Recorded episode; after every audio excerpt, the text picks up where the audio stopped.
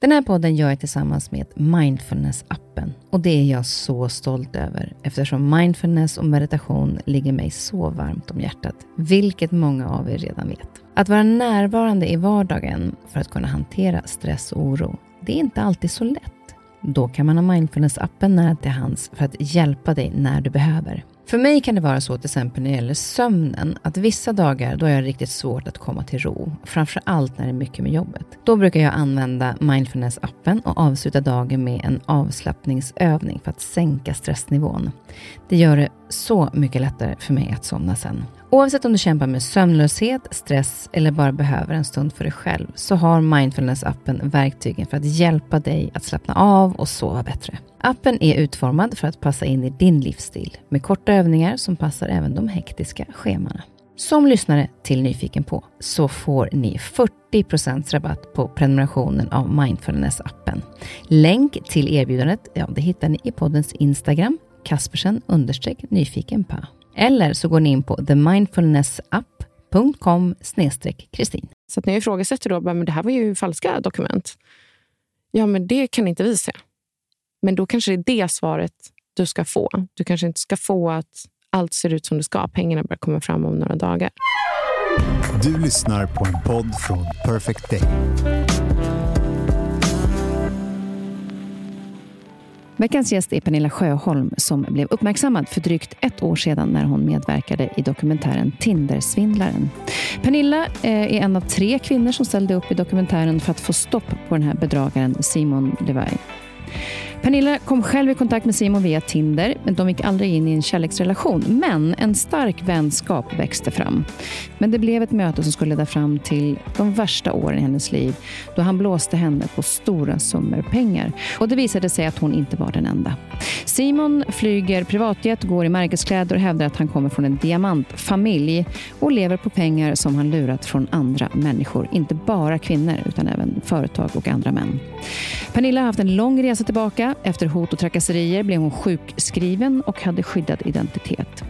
Tillsammans med norska Cecilie, som också drabbades hårt av den här bedragaren, valde hon att vara med i den här dokumentären då med namn och bild för att andra kvinnor inte ska känna skam och skuld.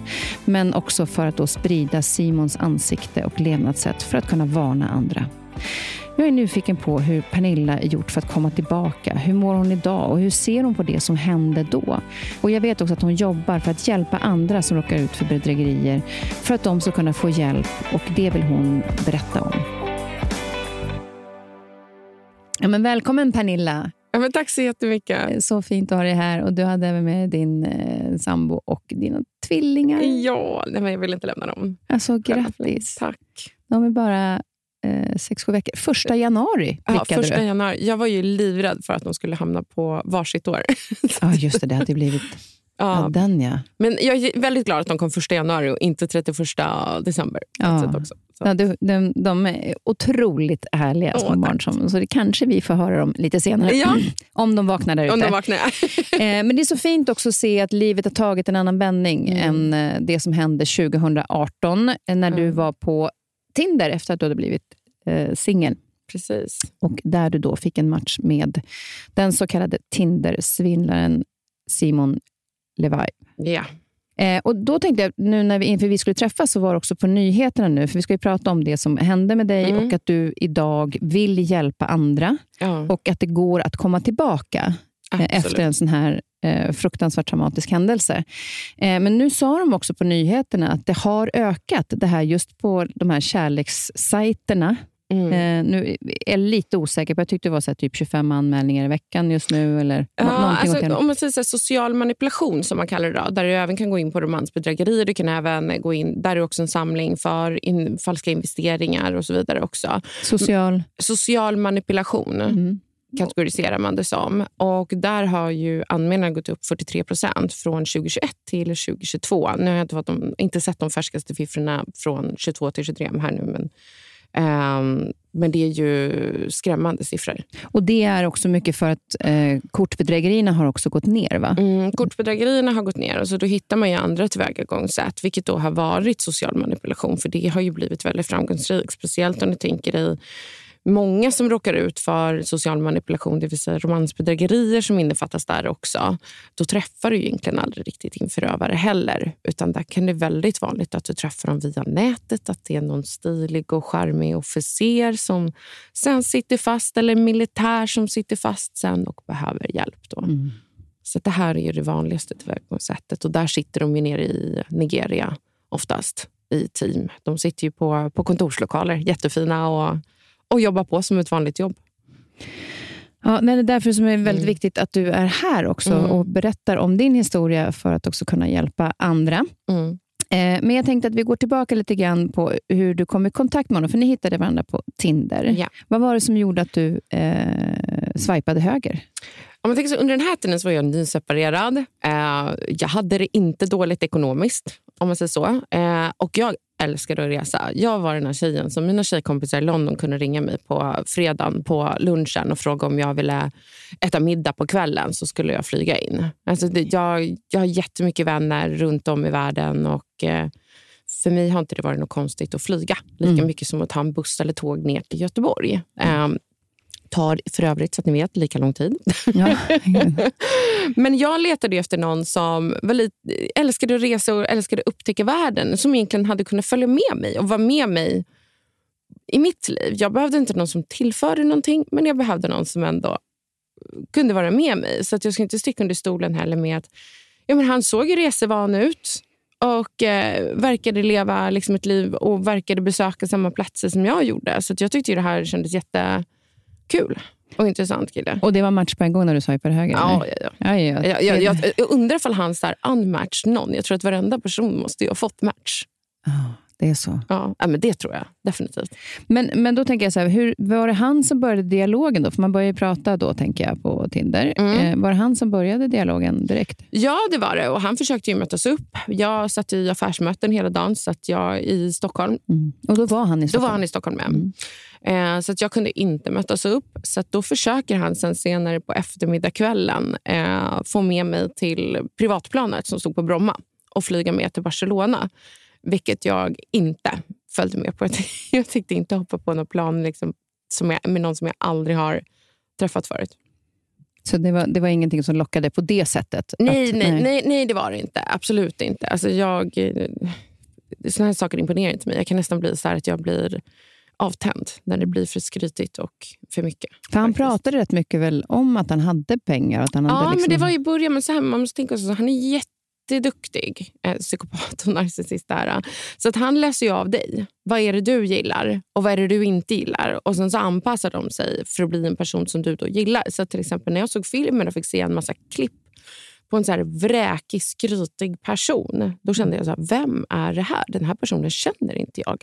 För det här är inte något beteende som jag känner igen. Mm. I och med att jag gillade inte det här. Så då betedde sig han sig inte på det sättet heller. För Jag satte ju någonstans som en punkt redan där med att jag inte ville hoppa på planet. Jag tror att det är många personer som hade sprungit till den där flygplatsen och tänkt att wow, ett privatland, vad häftigt. Liksom. Mm. Men, så jag har ju aldrig tyckt om de sakerna. Så det, Hur lång tid tog det innan ni träffades första gången? Det tog ungefär tre veckor. Mm. Så träffades vi i Holland, i Amsterdam. Och Då hade ni hunnit lära känna varandra en del, för ni hade textat och så? Ja, men precis. Vi hade textat, vi hade suttit och pratat på Facetime. Och liksom, han rolig person. Jag har ju vänner i Amsterdam också, så därför kändes det inte så läskigt för mig att åka dit. Jag tänkte att ja, i värsta fall då har jag en helg med mina tjejkompisar. Det var ju inte värre än så. Mm. Och När du träffade honom, kände du någon attraktion till honom då? Eller, eller blev det inte någon match på det Nej, sättet? Nej, det blev ingen match på det sättet. Jag saknade de här fjärilarna i magen som man vill ha när man träffar någon. Så det var ingen kärleksrelation. Men däremot så hade vi otroligt roligt tillsammans. Och det, men du visade honom det ganska snabbt? eller? Ja, alltså vi spenderade en dag där och så kommer jag ihåg att han försökte göra något litet move där på något museum och så tänkte jag så här, nej, alltså det här är inte min grej. Better stay friends. Liksom. Och då typ, ah, okej. Liksom. Men vi hade jätteroligt sen som vänner. Så på ett sätt så är det en sorg för att det är som ett, en person som dog som jag hade otroligt roligt med. Som aldrig fanns egentligen. Ja, för ni blev väldigt nära vänner vad jag förstod. Att det kändes som att han anförtrodde sig till dig och du anförtrodde dig till honom. Ja, det här var en person jag hördes med var, varje dag. Liksom.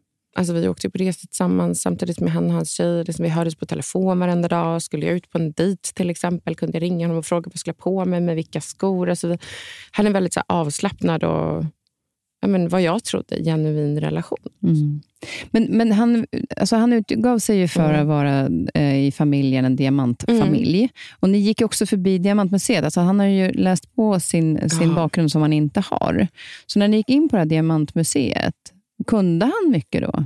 Jag kan bli så imponerad än idag på hur mycket research den här killen måste ha gjort. För att det här var ju impulsivt. Det var inte han som hade planerat det här besöket. Jag älskar museum. Så jag bara, men gud, ska jag gå in på ett diamantmuseum så ska jag gå in med någon som jobbar i industrin. Kom, nu går vi. Liksom.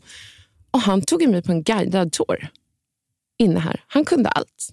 Förklarade allt om slipningar, olika färger och hur gruvorna funkade. Och liksom, vi satt inne i någon sån det är som en liten biosalong där du sitter och spelar liksom en film. Och han satt bara och pratade med och allt stämde. Det är helt sjukt. Ja, det är verkligen helt Vilket galet. gjorde ju då att du såklart ännu mer kände en trygghet i att han är den han är. Det var inget frågetecken på det. Nej, nej, nej, nej absolut inte. Mm. Plus att vi, jag fick ju träffa affärskollegor till honom och folk som då sa sig hade jobbat med honom i flera år. Jag fick ju se... De gjorde ju också så att när jag kom upp till lägenheten i, i Amsterdam så att hade de ju lagt en hög med dokument, stämplade liksom med företagsloggan och allting sånt och lagt det lite grann så över köksbordet. Vet, inte för att visa upp det, men lite snarare så här, kan, kan, du, kan du hämta kaffet? Så att jag mm. skulle se dem. Det är så otroligt uträknat. Ja, och det är samma sak de kunde ta. Jag kommer ihåg att han tog sig ett telefonsamtal och bara, ah, men vänta, jag måste gå in i ett annat rum. Och så går du in och pratar i ett annat rum så att du ska höra, men att det inte är meningen att du ska höra. Mm. Allt för att liksom fånga upp de här personerna. Och, men han mm. var inte så mycket spenderar pengar då när han såg att du inte imponerades av det. Nej. Utan vad gjorde ni för saker? Var det mer att ni liksom gick ut och det var roliga fester eller att ni liksom Nej, jag, hängde och tog en fika? Eller? Nej, men vi var mycket ute och åt middagar. Eh, gjorde vi museum har vi gjort. Herregud, vi var i Rom. Alltså, då var vi runt på varenda sevärdhet i Rom och åkte runt överallt med en guide. Liksom. Så att, mycket sådana saker har vi gjort. Men sen såklart har vi varit ute också. Herregud, mm. Vi var i Mykonos. Eller han kom ju och mötte upp mig i Mykonos. Alltså, Mykonos är jätteroligt på dagarna. Mm. Men han hittade den, den liksom vännen i dig. Ja. Men, men också det att när ni gick på restaurangen så kände folk igen honom som en stamgäst. Ja, gud ja. När vi kom in på ena restaurangen, eller speciellt ena restaurangen, det är alla säger så här, “Welcome back Mr Levaev”. Och där hade han till och med en specialbeställning med rysk kaviar som låg liksom inne i kylen bara för honom. Men när, när, alltså, du, du, såg ingen varningsklocka någonstans eh, under den första... Hur lång tid tog det innan du började reagera? Jag skulle säga att jag började känna lite så här, uh, att nej, det här kan vara någonting som kanske inte riktigt stämmer. Det var ju efter, alltså, strax innan jag blev bedragen. Där, mm. skulle jag säga. Hur lång tid var, när blev du bedragen? Vi, träff, vi började prata i februari. Träffades första gången i början på mars. Uh, och Sen blev jag bedragen i december. Okej, okay, så du hade ändå fått en ganska, satt en ganska stark vänskap under ganska lång tid? Ändå. Ja, så det var ingenting som gick på en vecka eller två, utan det här tog lång tid. Mm. Uh, och blivit introducerad för flera personer. Och, ja, de körde ju charader med mig. Men så under den här tiden fram till december mm. så märkte du ingenting. När, när var du började tycka att det var lite skumt ändå? Alltså jag skulle säga att när han började prata lite grann så om att han, han kanske hade lite problem och sådär, Eh, då kunde jag känna, så men gud, vad är det för problem? För att jag menar, så här, du har väl ändå andra människor att vända dig till. Men de, de börjar ju också så lägga lite, lite salt hela tiden. Det var inte så att han kom presentera för mig ett jättestort problem. Utan de kom ju och saltade och strödde på det här hela tiden under en lång tid. Så att när helt plötsligt det här saltet började, den här högen började bli lite för, för stor, det var då man började känna av lite, lite varningstecken. Men när han började bedra mig så bedrog han mig med faktiskt en riktig historia. Så att han började skicka en massa tidningsartiklar till mig om att eh, några av hans familj hade blivit eh, gripna på flygplatsen i Israel och var anklagade för diamantsmuggling. Och det var jättestora problem. Och det här stämde ju. Det här har ju hänt den riktiga familjen. Så det här stod ju i tidningen överallt. Men det är inte hans familj? Det är ju inte hans familj, men det var en guldgruva för honom. Så att han börjar skicka alla de här tidningsartiklarna. Det är även en person som jobbar på ena kontoret som hoppar och tar livet av sig. Man börjar misstänka om det är mord eller vad det kan vara. Och det här har ju hänt på, på riktigt. Det, han var ju aldrig en del av det här. Ja, så det var jag han tyckte ju att jag gjorde min research och då han sa ju det att det, liksom, jag är jätteledsen men alltså nu, det här är liksom illa. Alltså att jag, jag behöver låna pengar för att mina, mina konton är låsta och eh, jag eh, har folk efter mig. Liksom. Det här är en diamantindustri, den är, den är inte bra. Liksom. Och jag behöver inte bara skydda mig, jag behöver även skydda dig. Så att det är självklart så här, nu i efterhand, när man fått det här kastat på sig efter en vecka, så hade man ju bara wow, nej, nej men det här känns jättekonstigt. Men konst, jag har hört konstigare historier i, som har hänt på riktigt i riktiga livet också. Men det här stördes på under så lång tid. Men det är just det här att han, han eh, verkar så här, tyck, vad gick han in i det här att han tycker lite synd om sig själv också? Absolut. Det finns ju ingen som har en offerkofta som eh, psykopaten. Det kan man ju säga. De, de, de har flera lager av den där. Så att han har byggt upp hela tiden också om hur han har blivit så utnyttjad och att eh, han är, det går inte att lita på människor. Så att då känner man ju mycket empati för de här. För de gillar ju människor som har otroligt mycket empati. För de är lättare att... De är lättare Några. att nå i och med Mm. att vi, vi har ju mycket mer medkänsla. Så är du en person då som, som jag till exempel, jag har otroligt mycket empati, vilket kan vara lite grann ett handikapp för min sida också, eh, så känner jag ju med väldigt mycket med andra människor. Så att är det någon som kommer då med... Jag tyckte ju otroligt synd om honom. Mm. Alltså jag brydde mig om honom jättemycket. Herregud. Alltså. Men hur kändes det då när han då väl ville låna pengar? Att, eh, för det var ju ingen liten summa han bad om heller. Va? Nej, första vännen så var det 25 000, 25 000 euro. Eh, och då sa jag det till honom att liksom, det här är ju jätte, det här är mycket pengar för mig. Jag hade varit lite dålig. Jag hade gjort en dålig investering innan också, så det var inte jättebra. Men eh, det här var ju otroligt mycket pengar för mig och det var också en del av min kontantinsats jag skulle ha till att köpa lägenhet sen också. Och eh, han lovade ju svaret att det här var ju bara en vecka. Och det här var ju liksom för att hjälpa både honom och mig också. På vilket sätt kunde det hjälpa dig? Därför att det som han la upp det som, det var ju liksom att han hade folk efter sig. Och de visste även om vem jag var, för jag tillhörde ju den innersta kretsen. Jag var hans närmsta vän. Mm. Det är så han eh, körde. Precis. Så att, Men då, då blev det, och du lånade då ut, det var pengar du hade sparat och jobbat ihop själv. mm, Och Du lånar ut de här pengarna. ja. Eh, vad hände sen? Sen går det ungefär en vecka och då är det något problem då som har dykt upp. Så att då behöver han hjälp med någon flygbiljett. Då kommer jag ihåg att jag köpte en flygbiljett ner till eh, jag tror det var Bangkok för en 70 000 eller någonting som han sa då var för sin advokat. Och Sen så började det här bara rulla på. Sen började han be om lån för eh, täcka upp för flygbiljetter. Och Sen fick han även en till transaktion på 7 000 euro också. Och sen är det flyg. Men var du tvungen att börja ta lån för att kunna hjälpa honom? Nej, alltså där hade jag ju mina kontanta medel Mm. som jag använde. Och där kände jag ju på slutet att liksom, nej, men nu, nu räcker det. Så att jag tog ju aldrig upp något lån. Men däremot så hamnade jag ju back på till exempel en Amex-räkning som min pappa fick gå in och betala och sådana bitar också. Som, som jag sen har betalat tillbaka idag. Men det fick, kom ju ett annat eftermäle efter allting som har hänt heller. Det är inte bara att kontanterna försvinner utan liksom, jag hade ju boende, mina räkningar och mitt liv att betala. Och tyvärr så hade, täckte inte för juristkostnader heller. Så att jurister och advokater har ju kostat mig otroligt mycket pengar. Och Vad fick du för reaktion på honom när du säger att nej, jag kan inte låna ut med pengar nu? Vad är, vad är mina pengar? Jag måste få tillbaka dem. Ja, men då började han skicka falska eh, överföringar till mig. Det var ju då under den tiden jag då sen täckte upp för fler flyg och så också. Och eh, De här dokumenten gick jag in med på Handelsbanken här hemma, på mitt eh, bankkontor. Och eh, De bad mig att mejla det upp till huvudkontoret dessutom också, vilket jag gjorde. Och De sa att allting ser ut som det ska, så att pengarna borde komma fram vilken dag som helst. Så de kunde inte heller se? Nej, det får jag reda på i efterhand. Så när jag ifrågasätter då, bara, men det här var ju falska dokument. Ja, men det kan inte vi se. Men då kanske det är det svaret du ska få. Du kanske inte ska få att allt ser ut som det ska. Pengarna börjar komma fram om några dagar.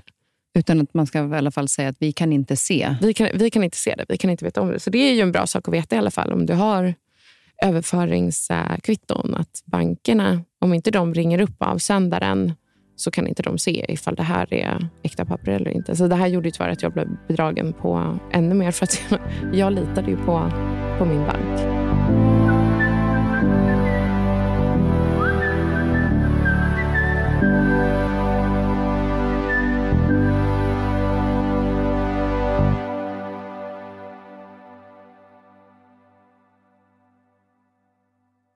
När, när du var lurad på de här pengarna och du inser att jag kommer inte få de här pengarna. Mm. Alltså det finns inga transaktioner som har gjorts. Ja. Vad, vad gjorde du då?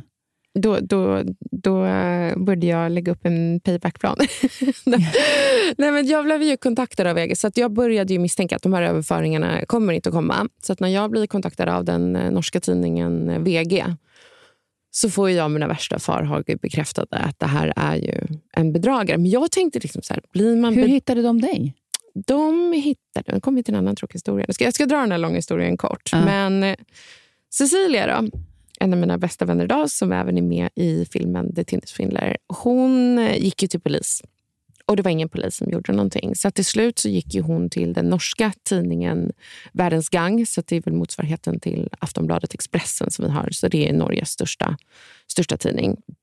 Och de börjar då göra ett reportage om det här. Varav att när du har ett American Express-kort så dyker, bokar du flygbiljetter så dyker namnen upp i fakturan. Och det var så de hittade mig då, från Mm. flygbiljetten till Amsterdam. Ah, okay. Så då blir jag kontaktad och frågar ifall jag känner till det här. Och då börjar jag inse att så som han har levt och vad jag har sett och när hon klev ur det här bedrägeriet så är det bara toppen av ett isberg.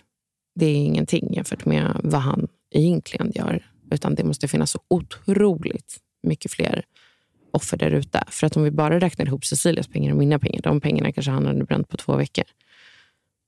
Så att ehm, där gick jag in och tänkte bara att det här ska vara sista gången den här jäkeln har gjort det här.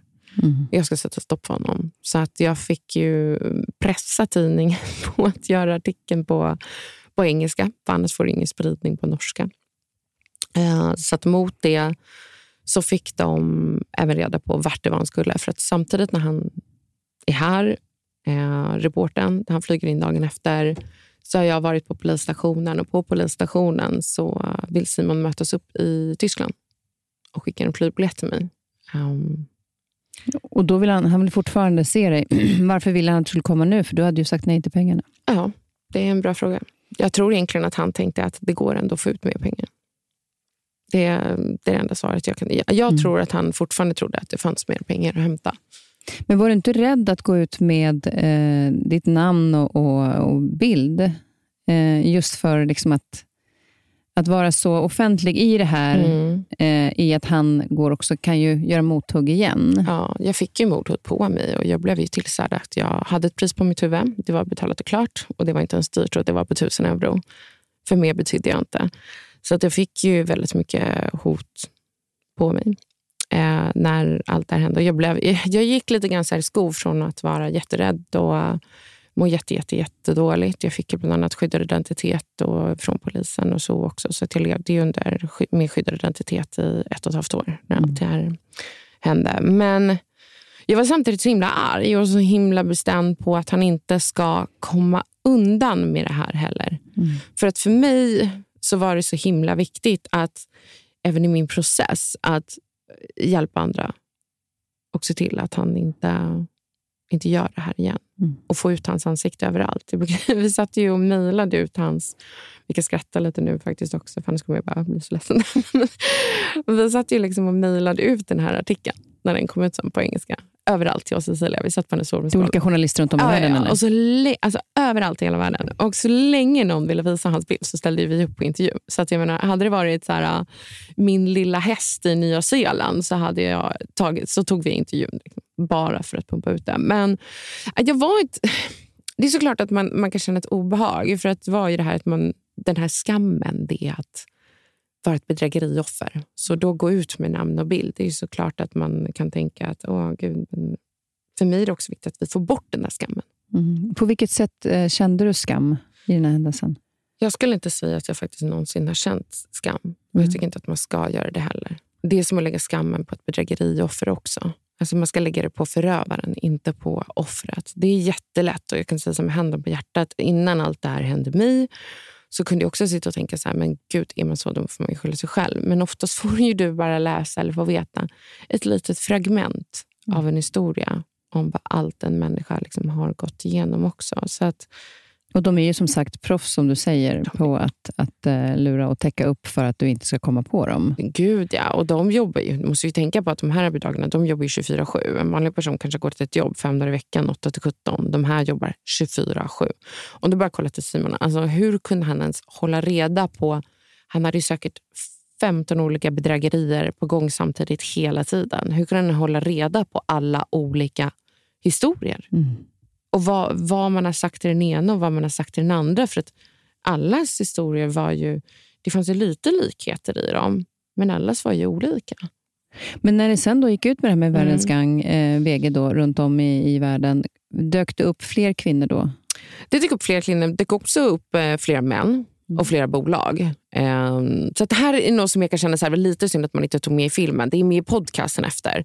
Men att man har bara fokuserat på hans bedrägerier när det kom till kvinnor. Det här var ju bara ett sätt. Så att för en han man, jobbade på bred front? Han jobbade bred front. Allt, överallt där han kunde komma åt pengar så har ju han jobbat. Så att, att komma som en man sen efter den här filmen han släppt och säga att hej, jag har blivit bedragen av The Tinder Swindler. Då tänker de första, men gud, vadå? Är du lagd åt det hållet? Mm. Eller är han? Mm. så att det blir liksom lite... Men han lurade även andra bolag. Eh, jag vet mm. att även privatflygbolaget va, hamnade ja. i problem. Jag vet två, två privatflygbolag som har råkat ordentligt illa ut. Och det är väldigt lätt att tänka sig att det är ett företag, men det är privatpersoner bakom som äger de här företagen också. Och den ena mannen, han, det, det gick inte bra för honom. Alltså det ruinerade hela honom och hela hans företag. Så det finns otroligt tragiska historier bakom även företagen också. Och när, blev det, när blev, kom frågan om att göra den här dokumentärfilmen? För nu är det ett år sedan eh, ungefär som mm. den släpptes. Och den, alltså den spreds ju enormt snabbt. Eh, jag vet det var 50 miljoner som hade sett den efter ett tag och sen var det uppe i 100 miljoner. Vet du hur många som har sett den idag? Nej, jag frågade faktiskt här, men jag, jag har inga mm. färska siffror. Eh, men det är väl 100 miljoner i alla fall? Ja, absolut. Det, det tror jag det, Den slog 50 miljoner första veckan, tror jag. Mm. Um, nej, den, det är ju Netflix mest sedda dokumentär någonsin. Och det här visste ju inte jag när jag signade upp mig på, på det här. Utan vi blev kontaktade av uh, United Talents i uh, USA som fick förfrågan då utav uh, Addison, vår agent där, om vi hade varit intresserade av att sälja våra life rights. Då, som man kallar det. Man säljer sina livsrättigheter. Lite som du tänker så här, designa ett kontrakt med djävulen, fast inte för hela ditt liv, bara en viss period. Ja, okay. ja. Så säljer du bort din, din historia där. Då. Um, så att vi tänkte så här, ja, um, alla medel är väl bra. Plus att kommer nu visa hans ansikte. Ja, det är viktigt. Mm. Men vi visste inte där och då vart den skulle hamna någonstans. Mm. Ja, det fick vi reda på senare under processen, att den skulle hamna på, på Netflix. Och sen så tror två veckor innan premiären, då fick jag ett samtal och fick reda på att de kom, skulle satsa på PR och den skulle upp då i Times Square. Och, ja. Vad kände du då? Kände mig rädd. Och Jag kan nog fortfarande inte förstå riktigt. Ibland är jag så svårt att så här, placera vad jag tycker var mest konstigt. Om det var min bedrägerihistoria eller faktiskt allting som hände efter. Mm. Och Jag kan nog ibland säga att jag tycker nog allting som hände efter känns ännu mera märkligt. På vilket sätt då? Det blev så lite svårt att ta på. Alltså det kändes jättekonstigt. Jag kommer ihåg vi åkte över till USA och skulle göra en intervju och jag var ute med mina vänner och det kom liksom paparazzi och folk som skriker på gatan. Alltså det, var, det var en jättemärklig känsla. Så jag rörde mig inte ute speciellt mycket under den här tiden heller. Jag hade svårt att ta på det. Eh, jag tyckte det kändes otroligt overkligt och, och konstigt faktiskt. Ångrar du att du gjorde dokumentären? Nej, det gör jag inte. Nej. För Jag tycker det är ett jätteviktigt samtalsämne. Och jag tycker verkligen att vi, inte bara med man säger så här, min hämnd mot, äh, mot honom, visa upp honom. Men jag tycker också att vi startade en diskussion runt om i världen som just det här om bedrägerier. Ja, men liksom, eh, var det deras fel? Var det inte det? Och man, man kunde se bedrägerier helt plötsligt på ett helt annat sätt också. Och just det här vi älskar att skambelägga kvinnor. Alltså det, jag, jag, kan bli lite så här, för att när en kvinna blir bedragen, då är det skyll dig själv, du var så dum. Är det en man som blir bedragen av en kvinna, då är det stackars man och onda kvinna. Mm. Hur kommer det sig att det är så, tror du? Ja, jag, jag tror fortfarande att vi lever i ett mansdominerat samhälle, även om vi går åt rätt håll. Jag skulle mm. säga att Sverige så ligger vi betydligt mycket mer i framkant än vad vi gör i resten av världen. Och jag vet att du var ju till och med med Cecilia, då, som är med i filmen, mm. på rättegång i Norge. Mm. Och där de under rättegången ifrågasatte henne på ett väldigt nedvärderande sätt. Ja, de ifrå... det här var ju innan filmen ens hade släppts. Men då ifrågasätter de ju varför eh, ja, men var du inte ute efter hans pengar? Och kunde du inte bara åkt ner och satt dig och låst in dig i en bunker om du nu var rädd för ditt liv? Eller, det var ju ett otroligt nedlåtande, alltså hela jargongen i den här rättegångssalen. Och jag satt nästan som i chock och även när jag satt och vittnade över att är det så här man beter sig emot brottsoffer? Och Då handlade det om att det var inte en rätts eh, eh, sak gentemot honom, Nej. utan det var med bankerna? Ja, utan det, det, det, var hon själv som fick åka upp i rätten. Det var bankerna som tog henne till rätten för att hon inte då kunde betala sina lån. Så det, det var ju samma sak när eh, precis allting hände. Hennes mamma, hon är riktig krigarmamma, hennes mamma. Mm. så eh, när hon liksom ligger inlåst på psykiatrin och hennes mamma ber banken att liksom, nu får ni sluta ringa min dotter, hon är på väg att ta livet av sig. Så struntar de fullkomligt i det. Så istället bara för att försöka ge henne en paus, en månad eller två, och andas och liksom rehabilitera och sen kanske ta tag i de här sakerna sen, så, så vägrade de ju att göra det. Men är det det att det inte finns i Sverige någon, någon eh, alltså ut det här att vi, vi vet för lite om bedrägeri. För mm. Det verkar som att, att man inte får den hjälpen. Att, vart ska Nej. man vända sig för att få hjälp om man har blivit bedragen på det här sättet. Ja, och det är det jag känner att vi saknar. Så Det är det jag sitter i processen med nu och har börjat liksom sketcha och planera. Det tar lite tid. Eh, men jag vill ju ha någon form av hjälpnummer. Så Det här finns ju i andra europeiska länder, men vi har inte i Sverige. Så lite liknande som du kan ringa 112 så kan du, ska du kunna ringa det här numret och få hjälp med psykiatriker som har kunskapen just kring när du har råkat ut för social manipulation. Det tyckte jag var jättesvårt. Jag blev bollad emellan med att eh, det var för traumatiskt för ena terapeuten till att jag behöver åka till traumacenter. Med traumacenter tyckte inte det var trauma nog, så att då fick jag ingen hjälp alls istället. Jag försökte få tag på jurister som hade kunnat hjälpa mig i mitt eh, ärende. Jag ringde runt till 67 olika advokatkontor i Sverige. 67? Ingen, 67 stycken. Och ingen hjälpte dig? Ingen kunde hjälpa mig. För att de, sto, de här stora byråerna de sa att de bara jobbade med ehm, eh, stora bolag. Men vad jag fått förklarat för mig sen i, i efterhand också av eh, en person som ägde de här, eh, ett av de här advokatkontoren, det är att Pernilla, kolla utomlands. För att bankerna, om du ska gå emot banken till exempel, eller stora banker, så knyter ju bankerna sig an de här juristbyråerna så att, mm.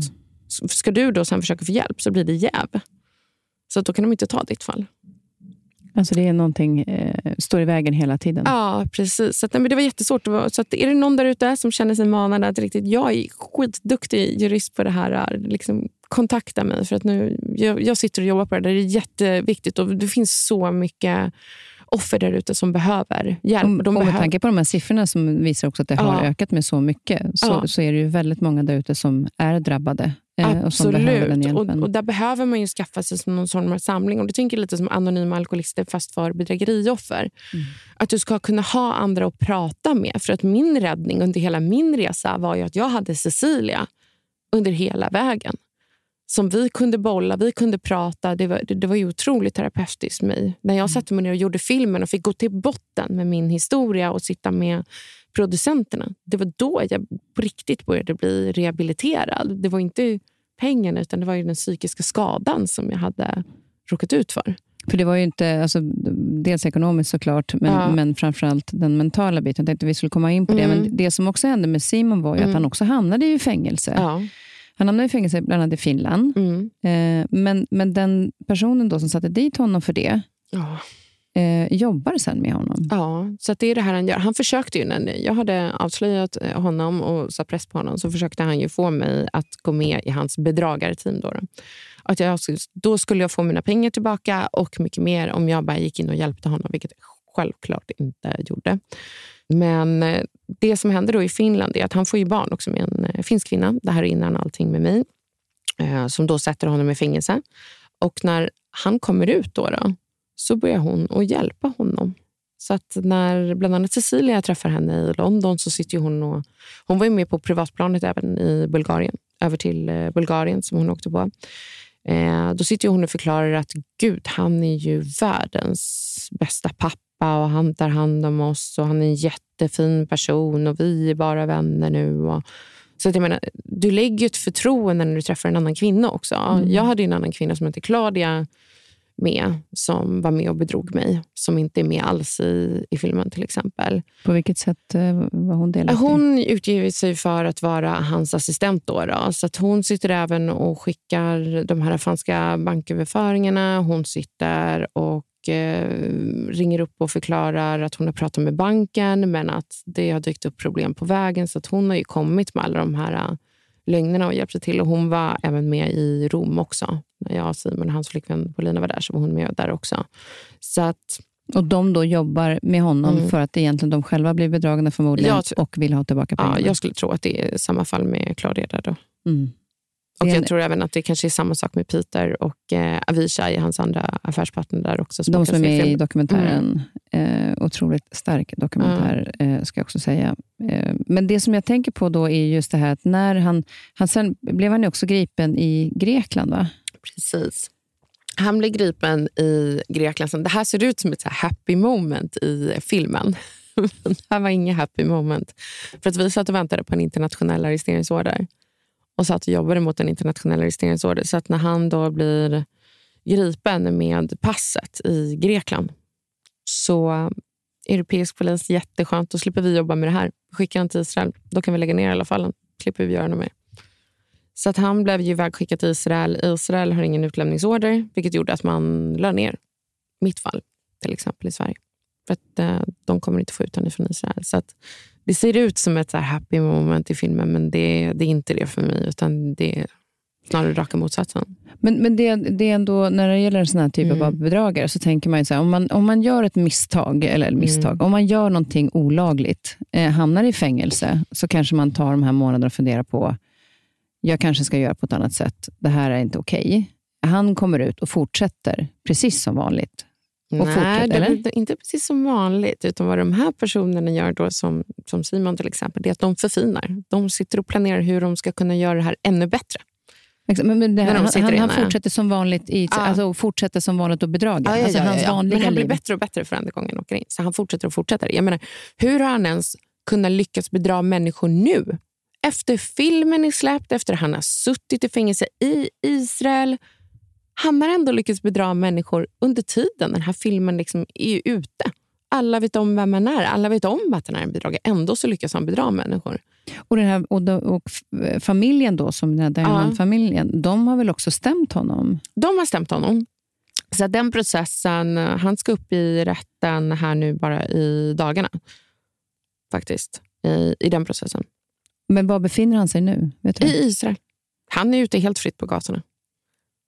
Och, och då kan inte lämnas ut, utan han är där? Han är där. Han kommer inte röra sig därifrån då, antagligen? Nej.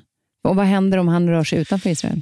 Jag har inte fått svar på om det finns en internationell arresteringsorder nu, men jag tror inte det. Någonting som jag hoppades på när filmen släpptes, det är att folk skulle gå in och fråga liksom, polis. Hur kan den här killen liksom, få röra sig ute och röra sig fritt? Alltså det, det, det, han är ju polisanmäld i sju olika europeiska länder. Så att, jag menar, hur, hur är det möjligt? Mm. Men istället fick vi snarare frågan, och jag kunde bli ifrågasatt, ja, men varför gjorde inte du mer? Varför är han fortfarande ute? Inte mot polisen. Mm. Men de har ju otroliga resurs otroliga resursproblem och jag kanske inte helt håller med åklagaren i, i deras beslut att inte göra en internationell arresteringsorder. Så att, polisen, har, polisen har sina brister och när det kommer till EU så finns det brister inom det också som inte bara gör det bättre. utan För sprider du ut dina brott på det här sättet som han gjorde så gjorde han det betydligt mycket enklare att komma undan. Speciellt när du går in med bedrägerier så har jag ju märkt att hade det här varit skattepengar, då hade det gått riktigt fort. Men när det gäller bedrägerier... Just när det är privata pengar eller företagspengar ja. så blir det inte på samma sätt Nej. som om det är skattepengar. Nej.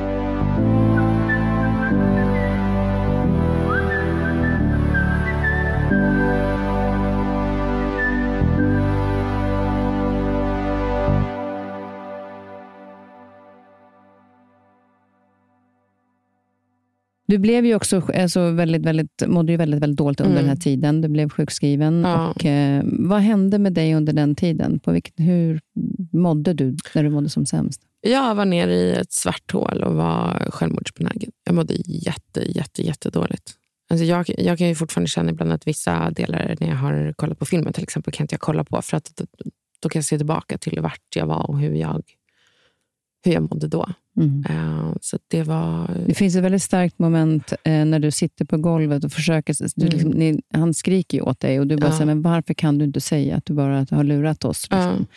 Där, han bara, där man ser att du sitter, från, att du sitter vid skrivbordet mm. så sätter du ner på golvet. Hur, hur kände du när du liksom skulle försöka ta dig ur det här? Alltså att ta sig ur det här botten-botten. Mm. Vad fick dig att liksom...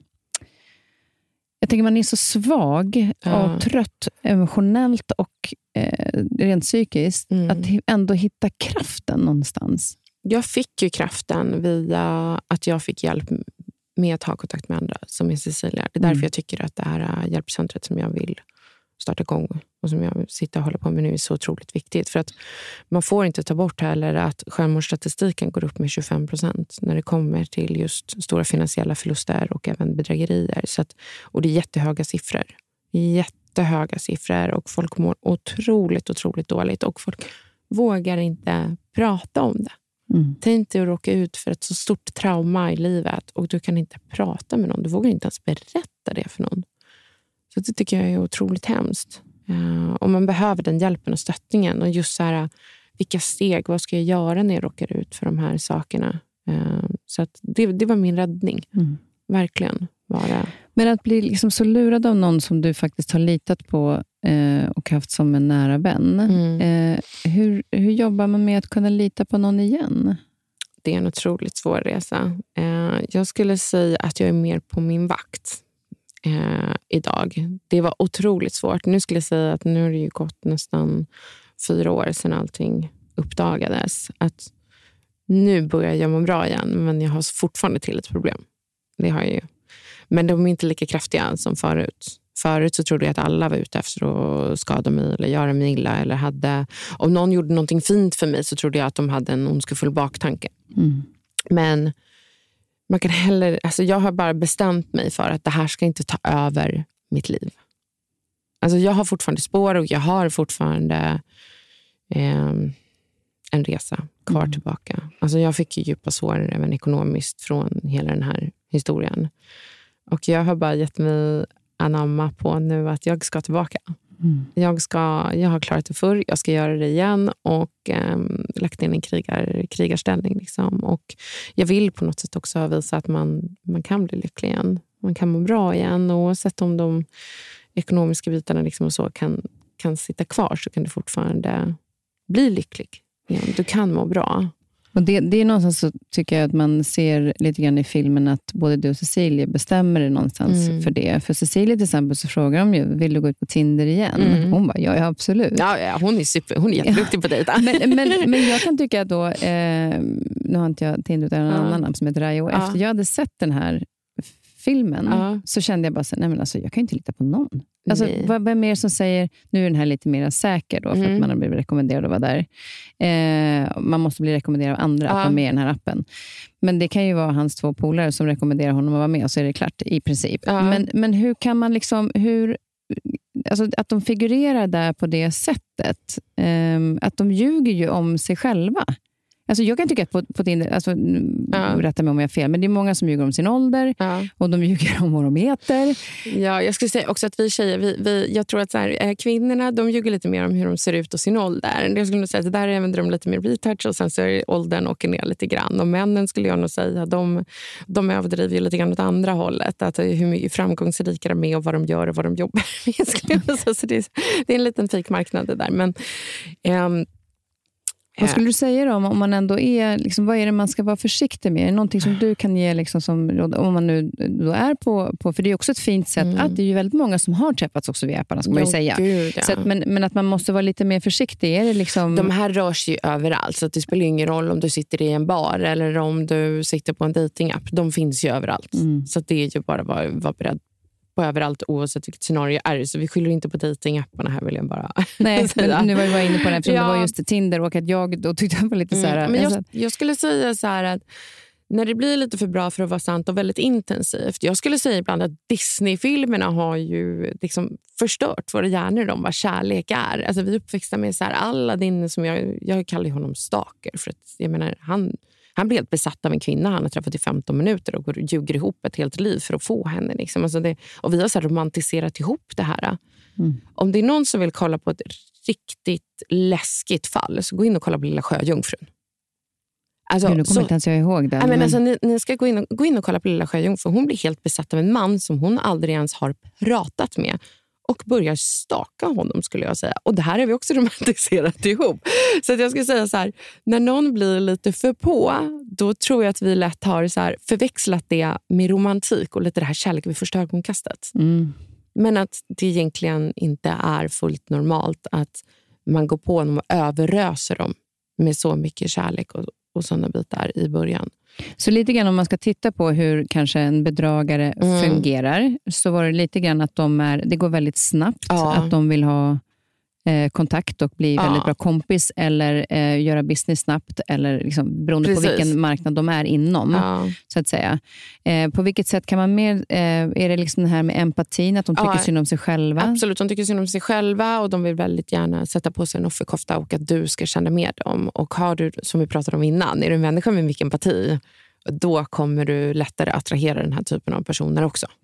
Och Det är det som är svårt, för när du har Mm. empatin så, så är det ju, känns man ju så här, men min känsla är så stark. Ja. Eh, ja, fast där måste ju hjärnan och känslan jobba kanske lite mer ihop. Att Precis. man backar lite. Min pappa brukar säga det, eller har sagt det till mig, att Pernilla, du måste, alltså du, du vet ju i huvudet, men du måste sluta lyssna på ditt hjärta hela tiden, för att det är lite för stort. Mm. Och De är väldigt bra på att pinpointa de här Mm. personerna, vad jag förstår. Det var en som beskrev det som att när vargen kommer till fårahagen, Ja. liksom, då vet den precis vilket får den ska gå på. Absolut. Att de har den typ kännedomen. Ja. Så det, det är någonting man ska tänka på just om man är liksom mera i, i empati. Mm. Men, men nu när du har då jobbat med de här olika sakerna och du har liksom kommit tillbaka, och det var ett år sedan filmen, Mm. då har du eh, din, eh, det här med jour, att du vill ha en, en hjälpa till då Ja. på, på det sättet att det finns då psykologer Mm. eh, och advokat gärna om det finns någon Ja, som precis. vill jobba med det här. Ja, och sen att man, man ska kunna samlas. Det ska vara som en mötesplats för människor som har råkat ut för de här bitarna. Och även att du ska få hjälp. Men vad gör man när man har blivit bedragen? Mm. Jag handlade i blindo. Jag kan, säga, jag kan kolla tillbaka och jag kan säga att jag gjorde mycket saker rätt. Men det är också mycket saker som jag kanske skulle ha gjort också. Vilka saker gjorde du rätt om du tittar tillbaka på? Det, jag, I och med att jag hade fler... Alltså mitt mottagarkontot låg ju i Holland. Så det finns en anledning till att jag åkte ner till Holland faktiskt. Och gjorde polisanmälan också även i Holland. Mot hans konto alltså? Ja, så Ja. jag gjorde polisanmälan både i Sverige och i Holland. Jag kontaktade min svenska bank och jag kontaktade även den holländska kontot som han hade använt. Så jag, stäng, jag lyckades ju stänga ner den. Så det lyckades jag få nedstängt, så det kunde inte han använda längre. Mm.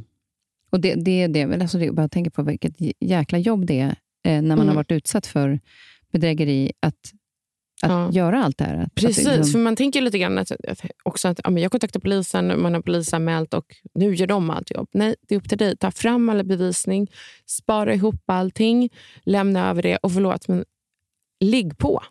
Alltså, de lägger ner så mycket fall på polisen. Ligg på. Finns bevisen på din sida och du har allting, se också till att kontakta din bank. För att har man tur då, om det bara kan ha gått någon dag eller någonting sånt också, eller några dagar. Har man riktigt tur så kan banken lyckas frysa medel. Mm. För de kan själva kontakta den här mottagarbanken och så vidare också. Så att jag tror det är ett väldigt viktigt steg som man ska tänka på. Det är samma sak, har du lån eller något sånt, kontakta de här låneutgivarna, förklara vad som hänt och se hur man kan lösa situationerna istället. För att det är väldigt lätt att man bara drar täcket över huvudet och känner att det här är alldeles för tungt och jobbigt att ha att göra med och mitt liv är över. Men börjar du proaktivt liksom jobba och försöka hitta lösningar så går det oftast att hitta en lösning också. Mm. För när jag gick ut på, på nätet nu och skulle googla lite grann Mm. så här, om, jag är, alltså, om jag har råkat ut för det, då var det just polisens hemsida som Mm. kom upp och Säkerhetskollen. Där stod det just om romansbedrägeri, mm. kärlek online-bedragare. Ja. Det handlade om den typen av bedrägeri. Där fanns det också information om hur man kunde göra. Så att, men det var de, de ställena som först kom upp ja. när, jag, när jag sökte. Mm. Men där vill man ju att det ska finnas en, en bedrägerijour. Ja eh, journummer.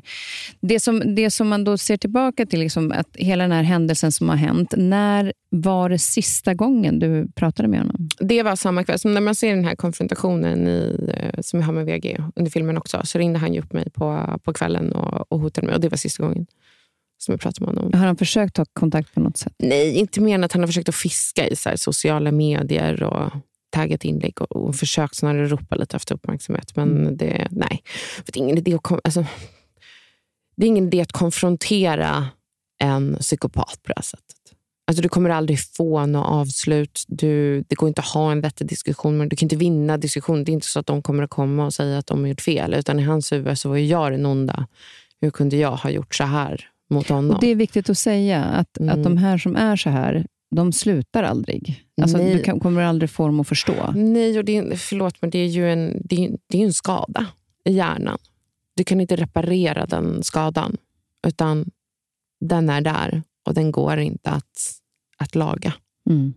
Så du, kan, du kan inte. Du, du, det, du skadar snarare dig själv mer att försöka gå in och ha de här diskussionerna. Jag hade, jag hade en annan eh, kvinnlig som jag trodde nära relation med mig också, som också började bete sig jättemärkligt. Och det, jag kände bara att det här är ingen idé att ha en diskussion ens. Utan blocka bort bara, ta avstånd. Eh, de älskar att stå och skrika och, och gapa och hitta på historier. Alltså, det, det, är lite så de, de jobbar. Men att bara bryta och inte ha någon kontakt alls.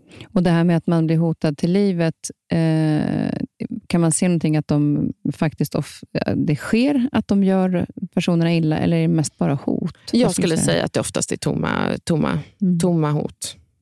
Oftast när det kommer till bedragare. Bedragare är oftast väldigt rädda. Fast det man också tycker är lite läskigt är ju det här att, att de som är eh, som psykopater, mm. då, det är ju inte de som gör folk illa fysiskt, mm. eh, är ju inte heller friska. Nej, på må, många av dem. Nej, gud, nej. Man ska inte säga att allting är 100 procent hela tiden. Men ofta så kan man säga att det finns ju olika typer av psykopater. Så oftast när de eh, sysslar med bedrägerier så ligger de i en kategori. Alltså det, är inte, det är inte alltid att de kombinerar ihop faktiskt att skada människor. Mm. Jag skulle säga att det där ligger du i en annan kategori. Men det, man kan aldrig säga någonting till, till hundraprocentigt. Så det var ju såklart att det var en anledning till varför jag själv var rädd. Mm. Och, och du drog, liksom, du drog utomlands sen också för ja. att du inte klarade av att vara hemma? Eller? Nej, jag klarade inte av att vara hemma. Jag, jag åkte runt. Jag vågade inte ens vara på samma plats. Jag vågade inte träffa min familj. Jag vågade inte träffa mina vänner. Jag mådde jätte, jätte, jättedåligt. Så att det var ju inte förrän egentligen skulle jag säga min räddning blev när jag kände att det var så viktigt för mig också att få ut hans ansikte, få människor att veta om vem han var. För då kände jag mig trygg. Just det. För då kunde jag enkelt googla den här personen. Mm. Så att vem ska bli, liksom, då ta det här priset på mitt huvud? Man säger så här, om man då vet om att han är en riktig bedragare. Så det var också liksom. av den anledningen som var viktigt för dig själv mm. personligen att få ut... Eh, ja, för att jag själv skulle känna mig trygg också. Ja, nej, men det är sånt otroligt... Mm. Eh, ett helvete som du har varit mm. igenom, men som du också har tagit dig ur. Och vilket är väldigt fint att se idag när du kommer ja. med din, din lilla familj här. Hur ser livet ut idag? Nej, men jag har ju mycket folk som hör av sig och mycket projekt som ligger i eh, loopen och sådär. Jag skulle säga att jag, jag är på väg att ta ett annat steg från att vara Pernilla som blev bedragen också. Mm. Alltså jag, jag är ju fortfarande Pernilla. Men, och just det att det fortfarande så säger filmen tittas ju på av många ja. fortfarande idag. Ehm, känns det okej okay ändå idag när du ändå har gått, valt att gå vidare? Nu jobbar du ju ändå mm. med det här för att hjälpa andra. Ja. Men, men att ditt liv också måste få fortsätta. Att inte bara vara den, den kvinnan, eller bara, men alltså den personen som råkade ut för det här. Nej men precis, utan jag, jag får se det nu kommer jag låta så spirituell, men eh, jag försöker se det som att det fanns en anledning till att just jag råkade ut på det här. Äh, och att vi kan göra en positiv förändring i, i samhället. Och att jag på något sätt kan visa också att det går att ta sig vidare. Mm. Jag får ju jättemycket mejl och meddelanden från människor som råkar ut för bedrägerier. Och speciellt här i Sverige också. Så jag försöker ju vara en stöttning och, och hjälp för så, så, många som jag klarar av. Men jag fick ett meddelande här bara för tre veckor sedan som så här värmde mig så himla mycket. Och Det var från en kvinna i USA. Då, och De är också så 30 personer som har samlats nu. Liksom, vi har inspirerat dem att samlas och gå tillsammans liksom, och fightas emot deras bedragare. Då. Och hon sa det att det, det är så många här som är så självmordsbenägna och de mår så himla dåligt och känner att livet kommer aldrig ta en vändning.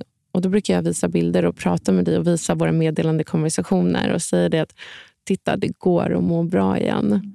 Och hon bara, och jag vill bara att du ska veta om att det här hjälper och stärker så otroligt mycket. Då blev jag bara så här, åh, jag kan nästan börja gråta nu. Ja, alltså det, man känner att man gör en positiv effekt. Det är mm. så otroligt värmande. Faktiskt. Så du har hittat den kraften nu att komma ur det och eh, få den kärleken tillbaka. Ja. Hur långt har ni kommit i processen till att skapa den här plattformen? som... Eh, som... Den ligger i startskedet nu. Jag började ju precis eh, runt omkring när filmen släpptes. Och sen vart jag höggravid med tvillingar. jag vet inte folk som har varit gravida, men eh, jag vet inte, ni som har varit gravida med tvillingar. så, herregud. så nu har jag precis eh, börjat och startat vidare. Så att, men nu försöker jag samla och hitta folk mm. som kan eh, hjälpa mig med den här plattformen. Så känner du att du är en riktigt duktig liksom, psykiatriker och känner att nej, attans, det här och då är det psykiatriker, advok- äh, jurist. Mm. Vad är det mer du behöver som du skulle äh, inträda ifall det är någon som lyssnar och känner till någon som skulle kunna... Ja, men det, det är nog de bitarna de som, jag, ja, som är de bitarna. resten har jag, men det är de som jag, som jag letar efter. För Jag hade ju riktiga problem att hitta jurister själv. Så det är någon som känner att så här, jag, jag brinner för de här bedrägerioffren. För att, tänk dig alla äldre människor också. Speciellt. Alltså de, jag kan ha en chans att ta mig tillbaka i livet. Jag har så mycket. Men tänk dig det liksom, din mamma, din farmor alltså, som råkar ut för det här och sitter där helt själva mm. och mår så dåligt. Och du, men men vi, vi sa aldrig mm. det, men du fick, du fick tag på en advokat till slut. Men var det i Sverige? Nej, det var i Nederländerna. Så det, det är därför det har kostat mig. Alltså, väldigt mycket mer att processa det här. Och Det är såklart man kan säga så här, men gud, varför tror du att du kan vinna mot en stor bank i Holland? För jag stämde ju ING Bank, vilket är Hollands största bank. Mm. Men det är också så att jag måste försöka. Jag, är en person, jag kan inte gå och lägga mig och sova på kvällen om inte jag vet att jag har gjort allt i min makt för att göra allt. Och De har ju begått mycket fel. De visste till exempel om att det här kontot var, det var under bedräglig uppsikt. till exempel. Så de skulle aldrig ha tagit emot mina pengar på det här kontot. Men, men eh, har de, hur gick det i den uh, tvisten? Jag förlorade som man säger då, tingsrätten. Eh, så nu är det överklagat till hovrätten. Det är inte lätt att vinna mot en storbank som privatperson. Nej, det kan nej. jag säga till dig. Men, men med tanke på att, som du säger, att, att de visst kände till det, mm. eh, tycker jag så här, gemene man ja. tycker jag att det borde räcka. Men det gör det ju inte såklart, eftersom de, de, är ganska starka gentemot en privatperson. De är jättestarka. Men fan, vad grym du är som, som inte ger dig. Nej. Eh, men nu, och när, nu är du ju fulltid mamma. Mm. Eh, de är sex veckor. Ja, sex, och, sex och en halv vecka. Alltså, hur ser, hur ser du, du kommer vara mammaledig kanske ett tag, men vad, vad kommer du jobba med framöver? Förutom det här att du ska hjälpa andra. Eh, nej, men jag har lite projekt som är igång som jag inte kan gå Jaha. riktigt helt gå ut med nu. Jag har lite grejer som kommer in, men jag är fortfarande... Liksom, ja, det som kommer in bearbetar vi och ser vad vi kan, vi kan göra med. Det är lite mm. spännande saker på gång också. Men jag, jag tar mig gärna an fler jobb också. Men jag ska vara lite mammaledig, men jag kommer att, att jobba lite mm. grann under tiden också. Det är så fantastiskt att se din energi. Ja, och eh, din, eh, med tanke på allt du har gått igenom. Eh, beundransvärt. Tack. Och tack också för att det du och Cecilia har gjort för att hjälpa och rädda andra från att mm. inte bli utsatta för den här personen. Mm. vill jag passa på att tacka för. Mm, tack så jättemycket. Nu undrar jag lite grann, då, vad är mm. du nyfiken på? Ja, vad är jag nyfiken på? Alltså, det här, jag fick ju den här frågan igår. Då tänkte mm. jag så här, vad är jag nyfiken på? Det är mest nyfiken på att hur kommer framtiden se ut? Alltså för mig. För dig? Ja. ja och vad, vad kommer jag liksom att, eh, att lyckas med och åstadkomma? Men det mm. går ju inte riktigt att, att svara på. Men du ser med spänning fram emot det? Jag ser med spänning fram mm. emot det, men jag är samtidigt nervös också. På vilket ja. sätt då? Ja, men tänk, så, så här, ja, jag är ju en krigare och jag gör så himla mycket. Men jag är samtidigt rädd ibland för att misslyckas. Att jag inte kommer att, att klara det här riktigt. Klara vad vilket då? Ja, men att ta mig tillbaka. Alltså, mitt mål är ju att kunna bygga en stabil framtid för mina barn också. Um, och just att jag ska kunna åstadkomma och göra allting som jag vill, som jag vill göra. Det är inte så att den här dokumentären gick in och räddade... Det är lätt att tro det. Att, uh, jag säger det, det, det, hade ju varit fantastiskt om man fick för varenda view istället på, på dokumentär. Men du får inte riktigt betalt för dokumentärer för då skulle folk gå ut och hitta på lite alla möjliga konstiga historier. Mm. Så att, men jag är ju en företagare också, så att jag jag driftar, driftar på, som man säger. Mm. Du ser med spänning också. Spänning med lite, lite mm. rädsla, men ändå ja. spänning eh, med framtiden. Ja. Ja, ja, vad härligt. Mm. Två fantastiska barn och en fin familj. Ja. Sambo sitter där ute också och väntar. Hur länge har ni varit tillsammans? Eh, ungefär ett och ett halvt år. Så det, gick, det gick fort. Mm. Men, men där var, jag tänker det är så härligt också, och att mm. nu var ju inte eh, Simon då, han var ju ingen kärleksrelation, Nej. men att ändå hitta en person som du verkligen kan lita på, eh, en man som kan ge dig det, den tryggheten. Hur mm. var det när, efter hela den här resan? Eller då är vi ändå mm. under lite grann den resan. Men min, min sambo han är ju otroligt sympatisk och absolut inte en dömande person. Otroligt intelligent också och väldigt rolig. Och det här som jag letade efter, han är väldigt spontan. Nej, men han är verkligen en fantastisk människa, så att vi, vi går väldigt, väldigt bra ihop. Men det var ju otroligt jobbigt under väldigt lång tid. Alltså jag, eh, det var svårt att inte kunna lita på sin magkänsla. Mm. Förut kunde man alltid gå lite efter magkänslan. Sen visste du inte om magkänslan stämde eller om du bara konstant var lite livrädd. Men där märker man att du, den, det, har, det har skadats lite ja, sen dess. Den är fortfarande lite, lite skadad. Mm. Den, är, den är fortfarande på reparation. Ja, den, den tycker jag var fin. Den är på ja. reparation. Ja. Men, men ni har landat bra. Vi har landat med de här två fantastiska tvillingarna. Gud, ja, vi har det jättebra. Vi ska avsluta med en låt. Eh, och då har du valt en låt som heter It takes two. Because, alltså, det här är så här, lyckolåt för mig. Att just att det krävs två. även och så att Jag känner att det krävs två för att göra två barn och det krävs två barn för att göra mig lycklig. Nej, men just att det här med, med hela historien, sen allting bakom också. Att man är inte starkast själv. Så jag, jag blir alltid så himla glad när jag hör den här låten. Ja, men det är en perfekt avslutning ja. på, på den här podden som ja. Eh, blir en pepp för eh, alla andra också. Ja, men det hoppas jag. Tack snälla Pernilla och jag önskar dig verkligen all lycka framöver. Ja, men tack så eh, jättemycket. Och kör bara. Ja, men det gör jag. Rätt ja, in i kaklet. Och tack, tack för allt som sagt som du gör för andra också. Ja, men tack själv.